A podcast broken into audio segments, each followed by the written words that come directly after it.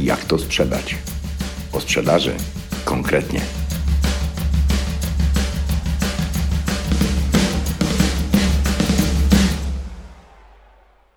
Ile warte są umiejętności handlowe? Jeśli coś można sprzedać za 100 zł, to dlaczego sprzedawać to za 80? Jeśli coś można sprzedać za 30 tysięcy, to po co sprzedawać to za 27? Jeśli nieruchomość można sprzedać za 750 tysięcy złotych, to po co sprzedawać ją za 720? A co byłoby, gdyby sprzedać ją nie za 720, nie za 750, tylko za na przykład 765 tysięcy?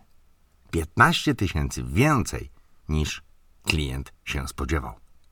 Ok, tylko skąd wiedzieć, za ile faktycznie można sprzedać dany produkt bądź usługę? Odpowiedź znajdziesz w tej publikacji. Aha, jeszcze jedno. A co byłoby, gdyby umieć dokonywać transakcji, których pozornie nie da się zrobić? Gdyby zwiększyć sprzedaż wtedy, kiedy wydaje się to niemożliwe. To są właśnie umiejętności handlowe. A ile są warte? Tyle, ile możesz uzyskać dodatkowo z każdej transakcji, lub tyle, ile możesz uzyskać, nie obniżając niepotrzebnie ceny swoich transakcji, lub tyle, ile możesz uzyskać, dokonując transakcji, których pozornie nie da się dokonać, których nie ma, tak zwanych utraconych. Ile to jest? Przeanalizuj swoje własne transakcje lub transakcje Twoich handlowców w firmie i zastanów się, ile pieniędzy możesz uzyskać, gdyby zmniejszyć wysokość udzielanych rabatów lub gdyby klienci zapłacili nieco więcej lub gdyby dokonać część tych transakcji, których nie udało się dokonać wcześniej. Tyle to jest warte. Ten podcast jest o sprzedaży. O sprzedaży konkretnie, a więc będzie konkretnie. Ten podcast jest bezpłatny, ale zadbam, aby miał wartość, swoją wartość dla Ciebie. Bo jest liczba zwana ceną i wartość, którą sprzedajesz Ty i Twoja firma. Pamiętaj, celem każdej firmy nie jest sprzedaż. Celem jest zysk. A powstaje on dzięki efektywnej i skutecznej sprzedaży. Ale pamiętaj, celem jest zysk. Ok, konkretnie. Przykład pierwszy. Polityka rabatowa. Klient, duże miasto w Polsce, salon sprzedaży, artykułów, wyposażenia wnętrz. Duży salon, 20-osobowa ekipa doradców. Produkty mają swoje ceny. Nazwijmy je ceny pierwsze, katalogowe. Sprzedawcy obsługują klientów, sprzedają. Mają prawo udzielać rabatów. I tak, kupujesz za kwotę X, masz 5% rabatu. Kupujesz więcej, dostaniesz 10%. Maksymalnie otrzymasz do 20% rabatu, jeśli zakupy przekraczają kwotę 20 tysięcy złotych. No taki mają system. Ale jeśli kupujesz produkty z różnych działów, dostaniesz dodatkowe kilka procent. Jeśli coś znowu się stanie innego, to dostaniesz kolejne procenty. Poza tym są tak zwani trudni klienci. Jeśli stękają mocniej o rabacie, uh kierownik salonu może udzielić rabat. Inny niż polityka rabatowa firmy. Jak myślisz, co się dzieje? Oczywiście, jeśli pozwolisz handlowcom na rabaty, dając do ręki tzw. Tak grill rabatowy bądź też widełki rabatowe, będą je rozdawać. No bo jeśli można, to dlaczego nie? Bo jeśli można, to stanie się to podstawowym narzędziem pracy handlowca. Rozdawacze rabatów będą je rozdawać. A kwestia ceny będzie zawsze problemem. Jeśli do tego pozwolisz na wyjątki, na przykład zgoda menedżera, będą chodzić po prośbie do niego.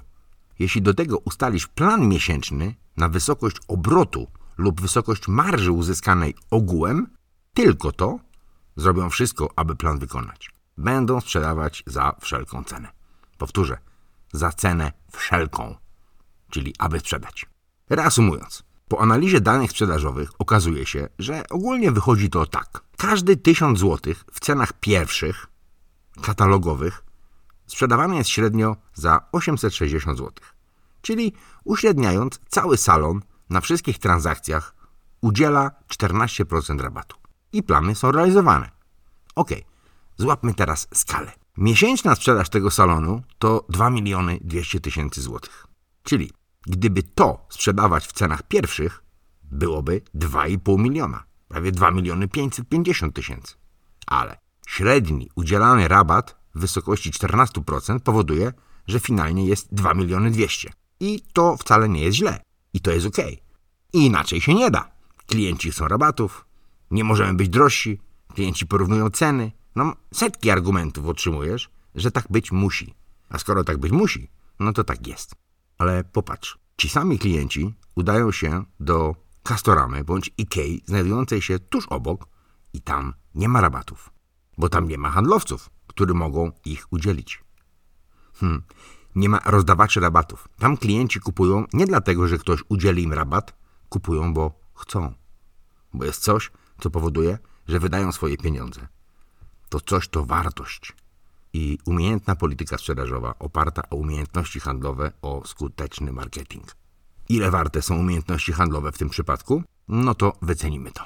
Pytanie zasadnicze do działu sprzedaży. Jeśli coś, co kosztuje 1000 zł, potrafisz płynnie sprzedawać za 860, dając 14% rabatu, to czy jesteś w stanie to samo sprzedać za 880 zł? 20 zł drożej. Tylko 20 zł. Wszyscy zgodnie opowiadają, że to banalne i pewnie, że tak. No to proszę, zróbcie to. Efekt? Jak zwykle, nie da się. 20 handlowców spiętych w kajdany przyzwyczajeń, nawyków, braku umiejętności handlowych i po prostu trochę lenistwa i tak dają więcej rabatów niż powinni. No bo nie da się. A przecież chodzi tylko o 20 zł na każdym tysiącu. Powtórzę, jeśli potrafisz coś sprzedać dając 14% rabatu, to pytanie brzmi, czy potrafisz sprzedać to samo udzielając 12% rabatu? Niby nic, a jednak się nie da. Cztery tygodnie pracy z zespołem oraz z każdym handlowcem pojedynczo, na żywo, też z klientami i dało się. Wystarczyło tylko pokazać, że to możliwe i przekonstruować sposób rozmowy z klientami, kolejność tematów, zmienić słownictwo handlowe, nieco inaczej prowadzić rozmowę z klientami i dało się, bo to tylko 20 zł. Zostawić cenę w spokoju, skupić się na czymś innym, na wartości, jaką dostarczasz, a nie na tej liczbie zwanej ceną.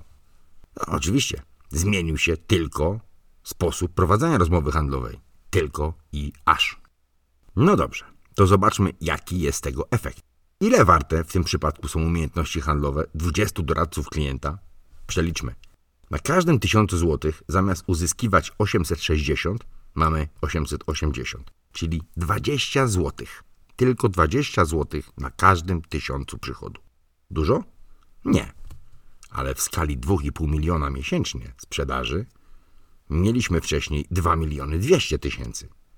A teraz, po zmianie w wysokości tych 20 zł, mamy prawie 45 tysięcy więcej przychodu. Rozumiesz? Przelicz to.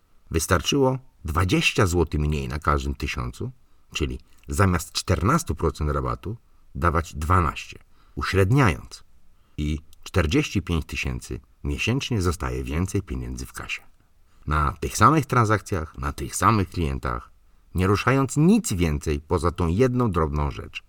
Inaczej prowadząc rozmowy handlowe. Dziesiątki, setki rozmów handlowych. Rozumiesz to, prawda?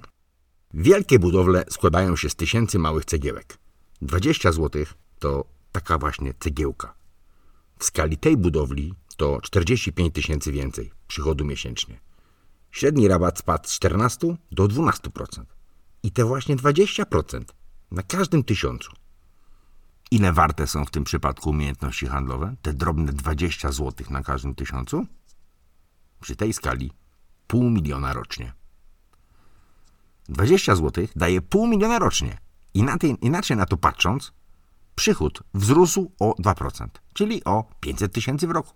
Te same produkty, ci sami handlowcy, te same ceny pierwsze, katalogowe, a nieco inne umiejętności.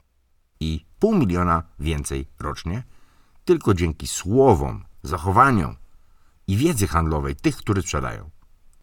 W tym przypadku umiejętności handlowe są warte tyle. Pomyśl, co stałoby się, gdybyś zmniejszył rabaty, które udzielasz? A gdyby przy tym nic złego się nie stało, żaden klient nie odstąpiłby od transakcji. Gdyby Twoja polityka rabatowa uległa zmianie bez strat w ilości klientów. Jeśli brakuje umiejętności handlowych, łatamy dziurę rabatami, upustami, obniżkami. co wybierasz. Nie dawaj rabatów wtedy, kiedy nie trzeba ich dawać. Zapewniam, w większości nie trzeba tyle, a w dużej części nie trzeba wcale. Konkretnie, przykład drugi. Właściwa wycena. Tu sprawa jest bardziej skomplikowana, ponieważ zaczyna się od ustalenia swoich cen sprzedaży. Częstym, naprawdę bardzo częstym błędem przy ustalaniu cen jest budowanie swojej ceny sprzedaży w oparciu o koszt produktu, usługi, koszty działania przedsiębiorstwa, bądź w oparciu o obserwacje rynkowe, czyli po ile sprzedaje konkurencja. To jest błąd. Podchodząc do sprawy niejako z dołu, projektujesz swoją sprzedaż w pierwszej kolejności pokrywając koszty, plus dodając zakładany zysk. Jeśli nawet zrobisz to dobrze, nie będziesz wiedział, co tracisz. Popatrz. Projektowanie polityki cenowej w oparciu o koszty nie pozwoli ci zaprojektować swoich cen w oparciu o oczekiwany sukces. Przecież prowadząc biznes, sprzedając, nie chcesz pokrywać kosztów, chcesz zarabiać pieniądze, chcesz mieć sukces. Tak, oczywiście. Zdefiniuj koszty operacyjne precyzyjnie, w oparciu o swoją wiedzę i estymowaną wielkość sprzedaży. I zostaw to. A teraz skup się na tym, za jaką cenę chcesz to sprzedać. Mógłbyś to sprzedać, gdybyś nie patrzył na konkurencję, na rynek, tylko na swój sukces. A wtedy możesz odkryć, że cena zbudowana pierwotnie z dołu jest za mała w stosunku do tej, którą możesz uzyskać. Czy to jest proste? Nie. To część umiejętności handlowych, które mają swoją wartość. Właśnie taką. W książce Nie każdemu sprzedasz wszystko, co zechcesz oraz w jednym z podcastów, w którym rozprawiamy się z problemem ceny i wartości, pokazałem to na przykładzie budowy ceny sprzedaży pewnej firmy usługowej. Firma sprzątająca. Założyłem, że chcę być najlepszą firmą w mieście. Rzeczywiście dającą najlepszą jakość usług. Ale żeby tak się stało, musiałem zatrudnić najlepszych ludzi. Ta usługa bazuje na jakości pracy pracowników. I zrobiłem to, radykalnie podnosząc przy tym sobie koszty wynagrodzeń. Potencjał był, możliwości też, ale przy tym byliśmy najdroższą firmą w całej aglomeracji. Teraz trzeba było tylko znaleźć sposób, jak to sprzedać. I to nie za wszelką cenę, a za taką, która daje szansę na biznesowy sukces. Oglądanie się na konkurencję nie miało żadnego sensu. Byliśmy najdrożsi i kropka. A więc nie przejmowaliśmy się, czy będziemy drożsi o 10% czy o 30%, bo to w sumie nie miało znaczenia. Jeśli zbuduję model sprzedażowy i dam konkretny, rzeczywisty powód, dlaczego klienci mają kupować i wybierać mnie, ta drobna różnica w tak zwanej cenie nie będzie miała znaczenia. I tak się stało. Ale budowanie modelu sprzedażowego w oparciu o wartość dla klienta i maksymalną możliwą cenę to temat na osobne 4 albo 6 podcastów. Jest to też część umiejętności handlowych, właśnie. Na moim kanale znajdziesz wywiad z pewną Moniką która prowadziła szkołę jazdy. Popełniła dokładnie ten sam błąd, który przedstawiłem przed chwilą i poległa. Firma została zamknięta. Obserwowała konkurencję i swoje ceny. Budowała je w oparciu o pokrycie kosztów. Po kilku latach otworzyła swój biznes ponownie, dokładnie ten sam, budując wartość współpracy z nią w taki sposób, że od samego początku obserwowała ceny rynkowe, ceny konkurencji, ale tylko po to, aby ustawić się wyżej o 20%. I zadziałało. Firma się rozwija, klienci przybywają bez większych wydatków na reklamy. A w zasadzie robi to samo. Uczy jeździć samochodem, ale robi to inaczej. Ustalając swoje ceny, zaprojektowała swój sukces, nie pokrycie kosztów z jakimś tam oczekiwanym zyskiem. Nabyła w tym czasie umiejętności handlowe, których brak spowodował, że przegrała swoją pierwszą rynkową walkę. Cztery lata zabrało jej zmartwychwstanie oraz nabycie właściwych umiejętności handlowych, niestety opartych na kosztownym doświadczeniu. Można inaczej. Własne doświadczenia są zawsze najdroższe. To tak zwana wyższa szkoła błędów i porażek. Własna wyższa szkoła błędów i porażek. Pamiętaj, biznes to nie jest przyjazne środowisko. Tu można przegrać. Kilka lat temu współpracowałem z pewną marką. Pracowaliśmy nad tak zwaną obsługą klienta w sklepach stacjonarnych. Cel oczywiście y, wyjątkowy i niespotykany, aby sprzedawali więcej. Nie powiem jaka to sieć, ale podzielę się pewną obserwacją. Otóż w tym czasie wprowadzano do sprzedaży kilka nowych produktów. Jednym z nich był krem do ust. Mocno pielęgnacyjny, w praktycznym opakowaniu w formie szminki. Wiem, większość mężczyzn nie do końca wie o czym mówię, ale kobiety wiedzą. Cena dla klienta 129 zł za jedną sztukę. No, bo to dobry krem pielęgnacyjny. Produkt wsparty był w tym czasie kampanią reklamową oraz m.in. moją osobą, abym pomógł w sprzedaży, szkoląc doradczynię, jak to sprzedać. I teraz sensacja. Jak myślisz, jaka była całkowita cena nabycia jednej sztuki tego kremu? Produkcja, opakowanie, logistyka za oceanu, aż w końcu dojechał i trafił na półkę sklepową. Powtórzę, cena sprzedaży 129 zł, a całkowita nabycia? Ciekaw jestem Twojej odpowiedzi. Pomyśl, jaka mogłaby być. No, szkoda, że tego nie słyszę. Powiem Ci, 12 zł 70 groszy. Powtórzę, 129 zł cena sprzedaży, 12,70 cena nabycia. Dobre, co? Widzisz, jaka jest rentowność? I gdybyś miał taki produkt za taką cenę, obserwując rynek, gdzie podobne są w okolicach 50 do 60 zł, to jaką ustaliłbyś cenę sprzedaży? To są umiejętności handlowe. Po co sprzedawać coś za 70, 60, kiedy można za 129? Tak ustawiając politykę cenową, wspartą oczywiście precyzyjnym marketingiem oraz umiejętnościami handlowymi, stać na dobre wynagrodzenia dla pracowników, na świetne kampanie reklamowe, na premie, nagrody, na rozwój. I masz jeszcze ogromny zysk, dający bezpieczeństwo firmy. A teraz, jeśli w tym sklepie większość produktów jest mniej więcej tak wycenianych, gdzie marże nie schodzą poniżej 300%, teraz potrzeba tylko umiejętności, aby to sprzedać. I to da się zrobić, jeśli wiesz jak. Jeśli nie za bardzo skupiasz się na konkurencji i cenach, skup się tylko na klientach i obserwuj. I dawaj odpowiedź, dlaczego mają kupić u ciebie. Nie za wszelką cenę, tylko za 129 zł. A jeśli chcesz wynagrodzić lojalność klientów, stałym bywalcom możesz udzielić rabatu. Na przykład 25%. A co tam? To dużo, prawda? 25%. No tak, ale wtedy sprzedajesz za cenę 96 już po rabacie. Pamiętasz cenę zakupu? 12,70? Stać cię na rabaty. Wtedy możesz to robić. Fajnie, prawda? Teraz tylko skaluj sprzedaż. W tym przypadku dokładnie tyle warte są umiejętności handlowe. I dalej. Klient, agencja marketingowa. Co robią? Prowadzą kampanie internetowe. Jak zarabiają swoje pieniądze? Otóż pobierają 15% deklarowanego budżetu reklamowego. Czyli ustalają, że klient wydaje na przykład 10 tysięcy złotych miesięcznie na kampanię. Wynagrodzenie agencji wynosi w tym przypadku od 1500 do 2000 złotych. Czasami naliczają jeszcze opłatę stałą w wysokości od 500 do 1000 złotych. Mniejsza z tym dlaczego. W praktyce, z punktu widzenia klienta, wygląda to tak. Im więcej będę wydawał, tym więcej zarobi agencja. Czyli jeśli agencja chce zarabiać, będzie sugerowała mi zwiększanie budżetu. Czyli zależy im, abym jak najwięcej wydawał. A dlaczego nie zależy im, abym jak najwięcej zarabiał? Czy można inaczej? Oczywiście.